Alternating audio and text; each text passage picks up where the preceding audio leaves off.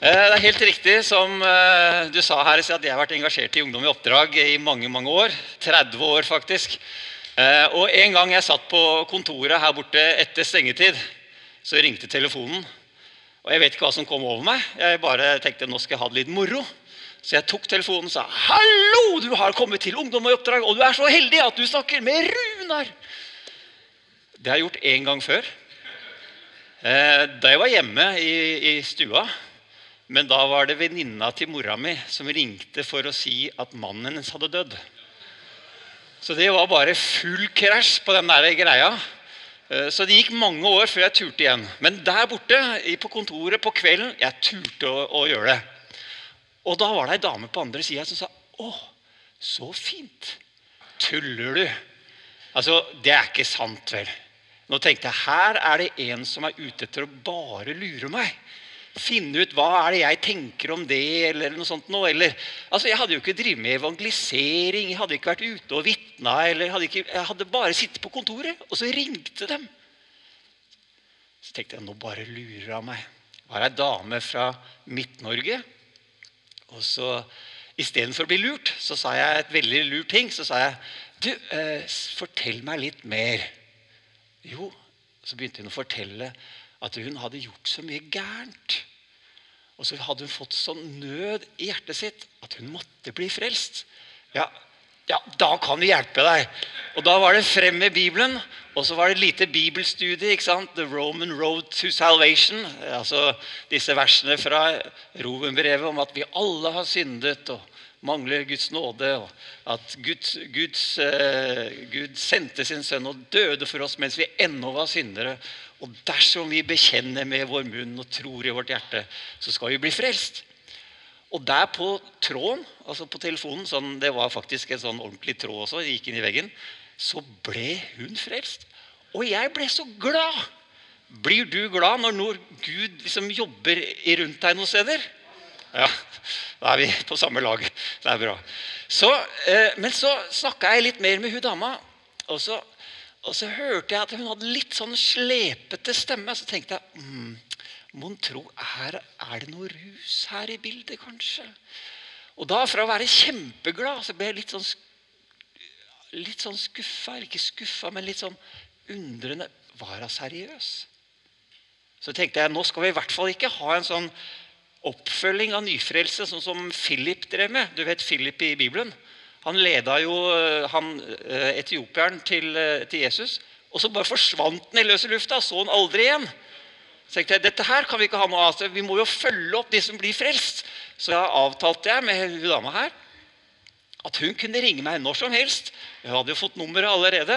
Og vi kunne ha bibelstudier og alt mulig sånne ting. Og hun ringte til stadig. Noen ganger så sto jeg og underviste på skolen, sånn, så hun måtte vente litt. Men, men veldig ofte så satt jeg der med Bibelen på kontoret og hjalp henne gjennom. Og hun ringte meg vet du, når hun hadde det vanskelig, når hun hadde det fint, når hun lurte på ting. Og vi hadde masse bibelstudier på telefonen. En dag så ringte hun meg, og da visste jeg ikke hva jeg skulle gjøre. 'Runar, du må hjelpe meg! Jeg ser Satan på veggen! Hva gjør jeg nå?' Jeg vet ikke. Jeg liksom Bibelen, Satan på veggen. Jeg vet om Skriften på veggen, jeg vet om alt mulig annet. Men Satan på veggen har jeg aldri vært med på. Så da til slutt så, så tenkte jeg Vet du hva vi gjør? Du bare setter på litt lovsang, og så ser vi om det virker. Ja, ja, ja, greit. Og hun vet du, inn i stua si, satte på litt lovsang, satte seg ned i stolen og var sammen med Jesus. Og så ringte hun tilbake etter en time og sa 'Runar, det virker! Det virker!' Vet du hva? Siste gang hun dama ringte til meg, så ringte hun ikke for at hun hadde masse problemer eller så noe på veggen. eller sånt noe. Hun ringte bare for å takke og velsigne meg. Fordi Gud hadde endra livet hennes dramatisk. Og det er det jeg har lyst til å snakke om i dag. Fordi Gud griper inn i våre menneskers liv på fantastiske og underfulle måter. Jeg har lyst til å snakke tro inn i livet ditt i dag. Vi holdt på å pusse opp et gammelt hotell. Det var en ganske støvete jobb. Jeg husker det veldig godt. Eh, jeg holdt på i sjette etasje. Og med meg så hadde jeg fått en ungdom som het Georg. Georg han hadde eh, blitt stoppet av politiet, og i bilen sin så hadde han hatt narkotika. Og istedenfor å gå til fengsel, så fikk han lov å komme til Ungdom med oppdrag. Det er fint. Omtrent det samme. Nå vet jeg at Ungdom i oppdrag her i byen holder til et fengsel, men eh, det, det var ikke der. Eh, og så holdt vi på å pusse opp, og vi, vi skrapte. Det var støvete, det var fryktelig skittent og fælt. Og det er sånn når du står og jobber sammen med noen litt sånn tett skulder til skulder, med litt sånn forskjellige, litt ekle oppgaver, ikke alltid det morsomste du gjør, så, så blir du kjent på en eller annen god måte. Og etter hvert så begynte Georg å åpne seg for meg. Og så sier han det mens vi står der og skraper, og sånn, så sier han plutselig du, jeg kunne aldri gå med shorts når jeg var yngre. Hæ? sier jeg. Hvorfor kunne ikke det? Var det sånne veldig strenge religiøse regler? eller var det liksom bare, Nei, det var ikke det. Og Så holdt vi på litt til, og så sier han ikke engang i gymmen kunne jeg ha på meg shorts. Hæ? Hva slags skole gikk du på? Det var ikke skolen, sa han. Men, men hvorfor i all verden kunne vi ikke gå i shorts? Nei, det er fordi at jeg alltid var så blå og gul på beina mine, sa han. Men uh, hvorfor det, da? Ja, du ser, jeg hadde en pappa. Jeg har en pappa. Og han slo meg hele tiden. Jeg turte aldri å gå med noe annet enn langbukser, fordi da ville folk se hvor fælt jeg hadde det hjemme. Så fortalte han meg videre at faren hans var pastor. Det er vel ikke sånn pastoren skal være, håper jeg. Og Så begynte vi å snakke sammen. og så, og så Hva skal jeg si da til en gutt som har blitt banka opp av faren sin hele livet? Jeg kan jo si det er ikke ment å være sånn. Det var feil av faren din. Og Jeg kan si mange sånne ting. Jeg kan støtte han, jeg kan backe han, jeg kan trøste han hvis jeg kan det. Men på et eller annet tidspunkt mens vi sto der og skrapte muren av veggene, og det var støvete og fælt, så, så våger jeg å si det som kanskje er det vanskeligste å si. Og Da sier jeg til han at du, Georg, jeg vet at jeg ikke forstår din erfaring. og Jeg kan ikke sette meg selv inn i det livet du har hatt. Men allikevel har jeg lyst til å si deg en viktig ting for deg. Jeg tror du må på et eller annet tidspunkt tilgi faren din.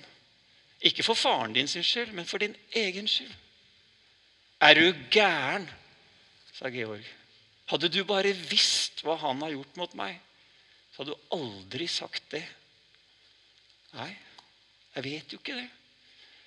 På en respektfull måte så forsøkte jeg å peke mot forsoning og tilgivelse, men det var ikke lett. Sammen så reiste Georg og jeg på leir. Er det noen som har vært på leir noen gang? Ikke sant? På leir så skjer det utrolig mye spennende og bra. Eh, og Georg og jeg vi reiste på leir, og jeg skulle være leirpastor på denne leiren. Men i, eh, jeg, man gjør jo mer enn bare forkynne Guds ord. Så jeg fikk en dag, en morgen så fikk jeg oppgaven i å vaske gulvet i spisesalen. Svær spisesal. Denne leiren her hadde et motto. Jeg snakka med kokken, som var kona til han som drev hele leirstedet. Hvis vi lager maten, da kommer de. Det var mottoet hennes. Og hun lagde veldig god mat. Eh, så da begynte jeg da å vaske denne spisesalen. og Jeg begynte i det ene hjørnet. Og så var det en kjempegammel mann som begynte i det andre hjørnet. Og Så begynte jeg å vaske, og jeg vaska godt og tenkte at her må jeg gjøre jobben fort. Og så kikker jeg bort på han gamle mannen. Og når jeg ser han gamle mannen, så tenker jeg det der har jeg sett før. Den der metoden å vaske gulv på som han driver med, den har jeg sett før. Den har jeg lært et sted. Så jeg gikk bort til han og så spurte jeg, du, unnskyld, eh, mister. Eh, har du vært i militæret? Ja, sånn. Å ja, jeg, jeg, ser den måten du vasker gulvet på. Det lærte jeg også i militæret. Jeg har også vært der. Ja vel, sier han. Og så vaska vi videre. Etterpå så lærte jeg det at denne mannen, som jeg da fikk lov å møte både da og flere ganger etterpå, at han hadde vært general under en annen verdenskrig. Har du vært i militæret? Ja. Og han hadde vært general under D-dagen. Når de allierte styrkene invaderte Frankrike på, på, på, på stranda der. Han hadde hatt ansvar for all ammunisjon. Og Hvis du ikke vet hvem det er, så heter han Alfred Garr. Han er død nå, men, eh, men det er han som synger 'Hei hå' på 'Snøhvit og de syv dvergene', originalsporet.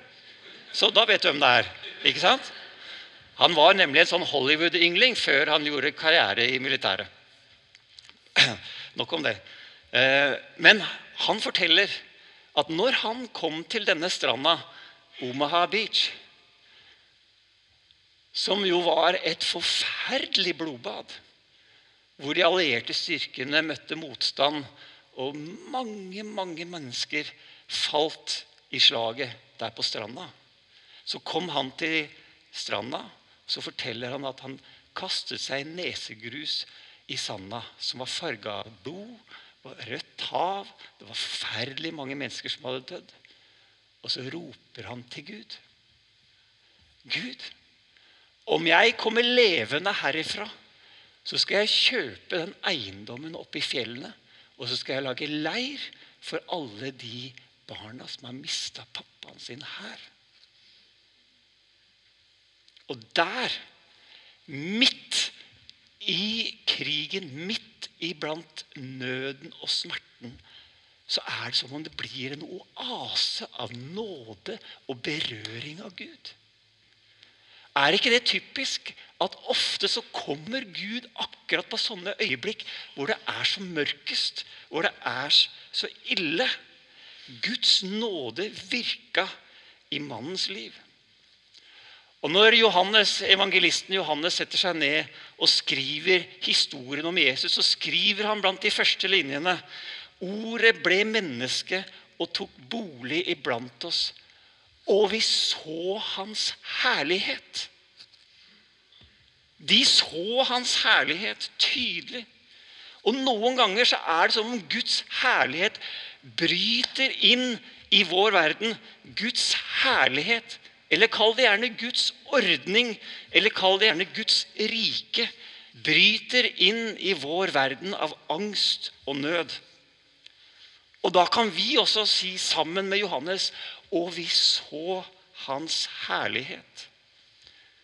Ordet ble menneske og flytta inn i nabolaget, står det på engelsk. Et nabolag som Jesus flytta inn i i år 30, hvor det ikke fantes medisiner. Et nabolag hvor det var masse fattigdom, folk mangla det var manko på alt. Et nabolag hvor ingen hadde prøvd en eneste Ibux. Og vi så hans herlighet. Guds rike består av rettferdighet, fred og glede i Den hellige ånd. Og når rettferdigheten oppfylles, så er det et glimt av Guds nåde og Guds rike, Guds herlighet. Når uro blir til fred, så er det et glimt av Gud. Når trengende blir forsørget, så er det en del av hans herlighet. Når ensomme blir invitert, så ser vi Guds rike. Det er et glimt av Gud. Jeg vet ikke åssen det er med deg, men har du sett glimt av Guds herlighet i det siste? Ja, det er ikke så lenge siden. Det var når de ungdommene sto her og tilba Gud. Han troner jo på vår lovsang. Gud er stor midt iblant oss. Men lengter vi ikke etter å se mer av Gud? Guds nåde i våre liv og gjennom våre liv? Ennå har ikke Hans rike tatt helt over. Det dominerer ikke alle steder. Det er et allerede nå har det kommet, men ennå ikke helt til fulle.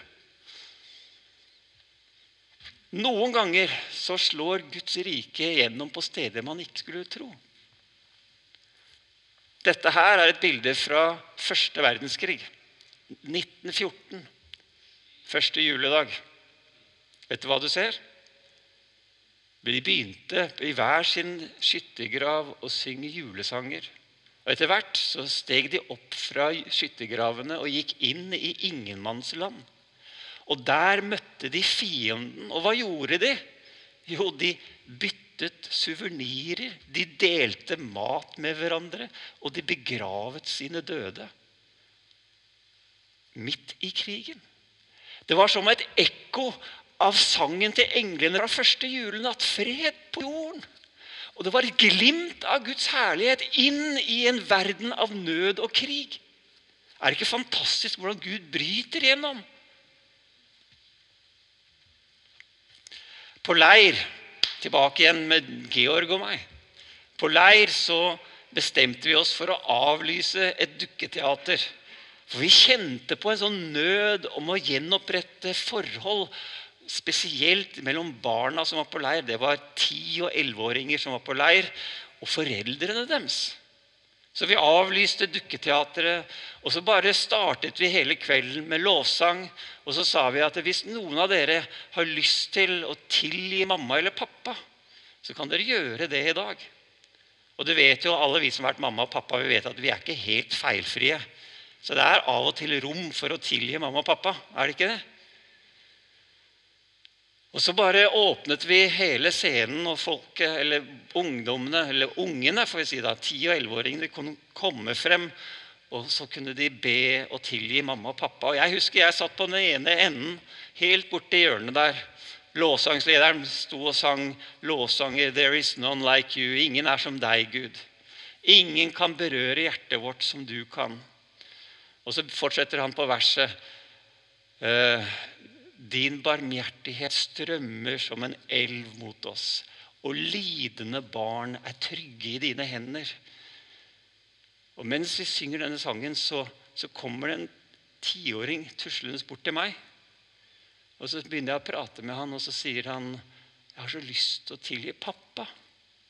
Ja, Men uh, hvorfor det, da, spør jeg. For han er ikke der. Jeg savner han sånn. Og Så forteller han at mamma og pappa har gått hvert til sitt. Og så er han sånn i desperat behov fra pappa i nærheten. Men mamma og pappa har skilt seg. Det er jo ikke noe han kan så mye for. Det har gått gærent. Men allikevel er det en sånn trang inni at jeg må tilgi pappa. Og der i hjørnet foran så står denne lille tiåringen og tilgir pappa. Han gråter, og jeg gråter. Og så ser Georg hva som foregår. Plutselig så er det noe som brister inn i hjertet til Georg også. Og så vil han også tilgi pappa. Og så er det som vi opplever en inngripen fra Gud. Og Johannes fortsetter å fortelle om det. Av hans fylde har vi alle fått nåde over nåde. Tiåringen løpende til meg. Jeg så han komme rett med telefonen, og så sier han det. 'Vet du hva, vet du hva? Pappa kommer hjem!' 'Hva?' sier jeg. 'Hva har skjedd?' Og vet du det? At mens vi satt foran der og gråt og ba, og gutten tilga pappaen sin, så satt mammaen og pappaen hjemme og bestemte seg for å prøve på nytt igjen i ekteskapet. Og du kan si hva du vil. Men jeg er sikker på at den lille guttens bønn hadde en enorm virkning i himmelrommet over den familien. Tilgivelsen setter fri. Vi kan snakke om teologien i det der etterpå, men jeg er helt sikker på det.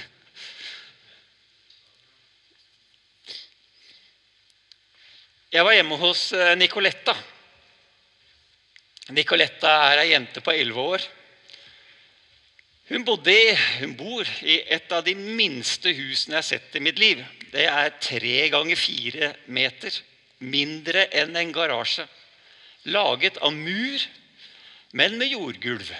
Ett rom inni dette, inni dette huset. Jeg vet ikke hvordan du kan tenke deg å være i et hus med jordgulv på vinteren. Det er ikke alle som vet dette, her, men nå skal jeg ha en liten uh, fysikktime med deg. Har du noen gang satt krana på kaldt vann bare? Og så ser du at det skjer noen ting på den krana. Den blir sånn små duggdråper på den. Ikke sant? Fordi den er kald, så blir det dugg på den. Hva tror du skjer med et jordgulv som er kaldt på vinteren, når du har det varmt ellers i, i huset? Det blir dugg der òg, vet du. Og hva blir jordgulv og dugg? Det blir søle. Det er ikke noe særlig å bo sånn. I dette huset på tre ganger fire meter så var det to sofaer, ett sofabord og åtte mennesker som bodde. Mamma og pappa, seks barn. Og Jeg sitter der med Nicoletta. Hun drømmer om å bli frisør. Hadde et sånn utrolig vakkert mellombrunt hår ned til her. Og hun sitter og smiler. Og jeg bare Hva er det som skjer? Hvorfor smiler Nicoletta? Så jeg begynte med et kryssforhør av Nicoletta. Hva skal du bli? Og liksom alt mulig rart. Og så spurte jeg men du, hvordan gjør du lekser her inne. da? Nei, jeg gjør som regel lekser ute. Det er litt trangt her. Ja, men vinteren, da? Ja, da gjør jeg det her, sier hun. Så sier hun Hun sitter i en vinkelsofa. Ja, men, men hvor sover du, da? Jo, jeg sover her, sier hun og peker på den ene delen av den vinkelsofaen. Jeg sover her sammen med storesøsteren min på tolv. Og der borte på den delen av vinkelsofaen så sover storebroren min. Han er tenåring. Og i den sofaen pekte hun over til den andre. Der sover mamma, pappa og de tre minste barna. Det er trangt. Men eh, jeg skjønte det ikke. Hun satt og smilte. Til slutt så måtte jeg bare spørre direkte. Nicoletta, trives du her? Ja, sier hun. Jeg skjønte det ikke. Det går ikke an å trives her. Men så gikk vi ut. Og så gikk vi bort til det gamle huset hennes. Det var der hun hadde flyttet ut. Men heldigvis var det noen som hadde gitt oss penger, slik at vi kunne kjøpe verktøy til pappaen, slik at pappaen kunne få jobb. Og så kunne han tjene penger, og så kunne han flytte ut derfra inn i et bedre hus, et murhus. På vei til å bli selvberga. Og det var som om det var noen som hadde grepet inn at det var Guds nåde, et glimt av Gud. For du ser at Guds nåde, Guds herlighet, den demonstreres veldig ofte av mennesker og i mennesker. Guds nåde eller Guds herlighet formidles veldig ofte gjennom mennesker og til mennesker. I fjor sommer så reiste jeg til Moldova sammen med ca. 70 andre ungdommer. Og noen voksne også. Og Vi skulle gjøre masse forskjellig. Vi skulle fortelle om Jesus, og vi skulle hjelpe mennesker som hadde det vanskelig. Og Vi hadde en liten gruppe med praktikere som kunne fikse ting. Og De gikk opp i femte etasje i en boligblokk og hjalp en kar.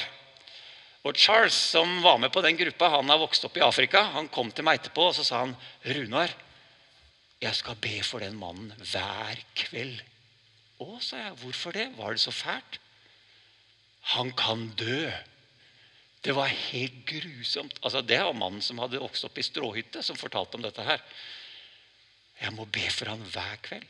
Og mens de gikk inn og ut og hjalp denne mannen med den leiligheten, så bokstavelig talt krasja de borti ei jente på 17 år som het Bianca, for hun bodde i naboleiligheten. Og så sier Bianca, 'Hei, hva gjør dere her?' Hun kunne snakke engelsk. Jo, du ser, vi er her, og vi hjelper denne mannen her. fordi vi... Og så begynte de å fortelle om bakgrunnen til hvorfor de var der.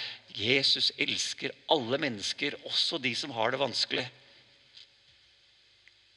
Og Så står de og prater litt sammen. Men så er det sånn at Bianca hun er 17 år, og foreldrene hennes er torghandlere. Så Derfor så må hun bidra litt i familien, og hennes jobb denne dagen var å ta seg av lillesøsteren sin. Så hun tok med lillesøsteren sin ut fra femte etasje, ned, ut i parken. Men hva treffer hun i parken? Jo, Der treffer hun ungdommer fra Hamarkirka som er med oss på tur til Moldova for å fortelle om Jesus. Og De begynner å fortelle om Jesus, og så sier de vet du at borti kirka der har vi kaffebar. Du burde komme dit. Ja, ja, hvorfor ikke? Ta med seg lillesøstera si bort til kaffebaren. Og hvem treffer hun i kaffebaren? Jo, der treffer hun Stein Arve. Stein Arve er en venn av meg. Han er pastor i Frikirka i Kristiansand. Stein Arve elsker kaffe. Han, han er den type som drikker kaffe med å, å veie opp vannet i gram. Ikke sant? Og kaffen selvfølgelig i gram. Og brygger kaffe. Og han står der og smaker og drikker kaffe. Og så kommer Nicoletta, nei, Bianca. Og så står de der og prater sammen. Og så begynner, Det er som om himmelen åpner seg. Hun stiller alle de rette spørsmålene. Og så, og så til slutt så sier hun bare 'Jeg må ta imot Jesus'. Og dette er jo ei jente som aldri har gått i kirke. Kommer fra en helt kirkefremmed familie. Og der foran kaffedisken så står hun og så tar hun imot Jesus. og Så ber de sammen. Så lukker hun opp øynene og så sier hun det, har skjedd noe. Det, det, har skjedd noe inni meg. Det er, som, det er som at jeg er født på ny. Det har jo vi hørt før. Men hun hadde jo ikke hørt det før.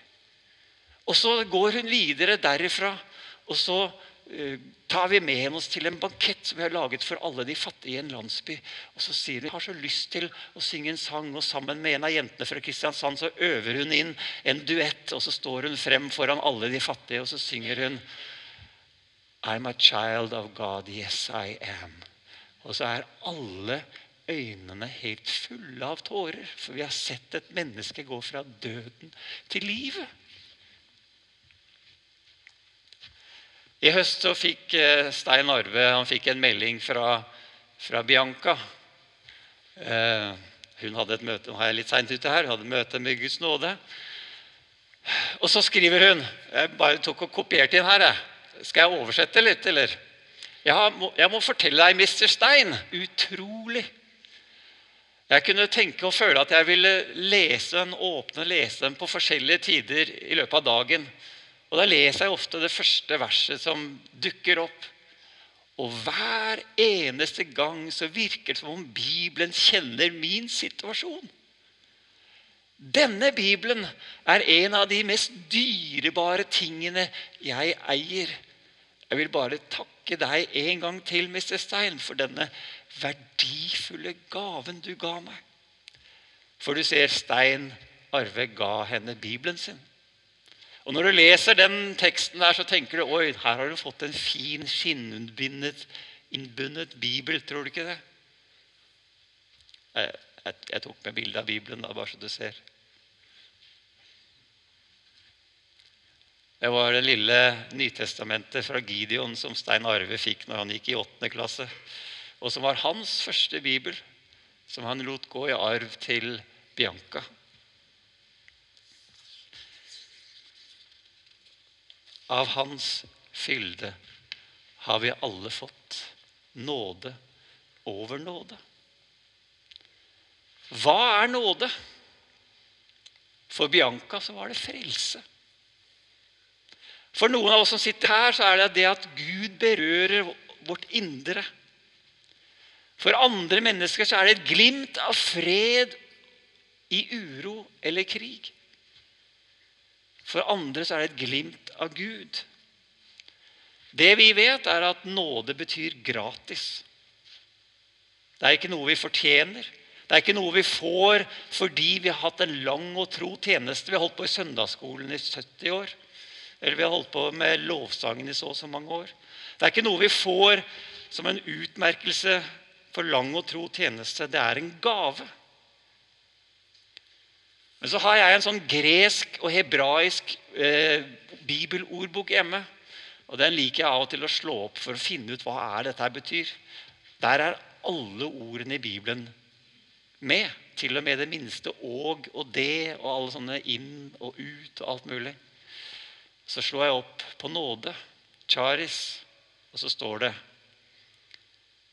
Hva betyr charis? Jo, det er en guddommelig påvirkning av hjertet som reflekteres i livet.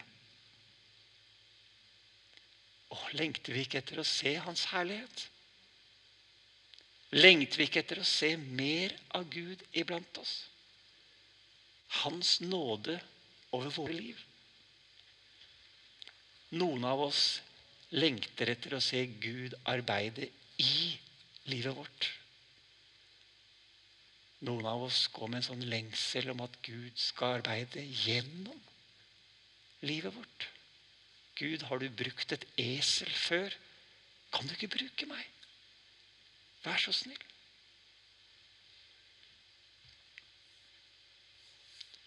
La oss be. Kjære Jesus. Vi vet at ordet ble menneske og flytta inn i nabolaget.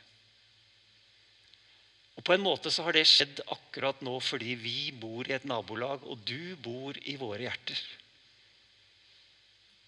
Og så sier Johannes, og vi så hans herlighet.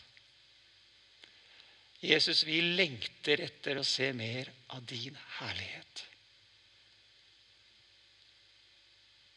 Du har brutt gjennom nød og krig og vanskeligheter, uro og angst og mangel og fattigdom. Så mange ganger. Jeg har lyst til å be Gud gjør det igjen i vårt nabolag, i vårt land, på vårt kontinent. Vi vet det er krig. Ja, i vår verden. La oss få lov å se din herlighet i våre liv og gjennom våre liv. Takk for at din nåde formidles i og gjennom oss. Vi ber i Jesu navn. Amen.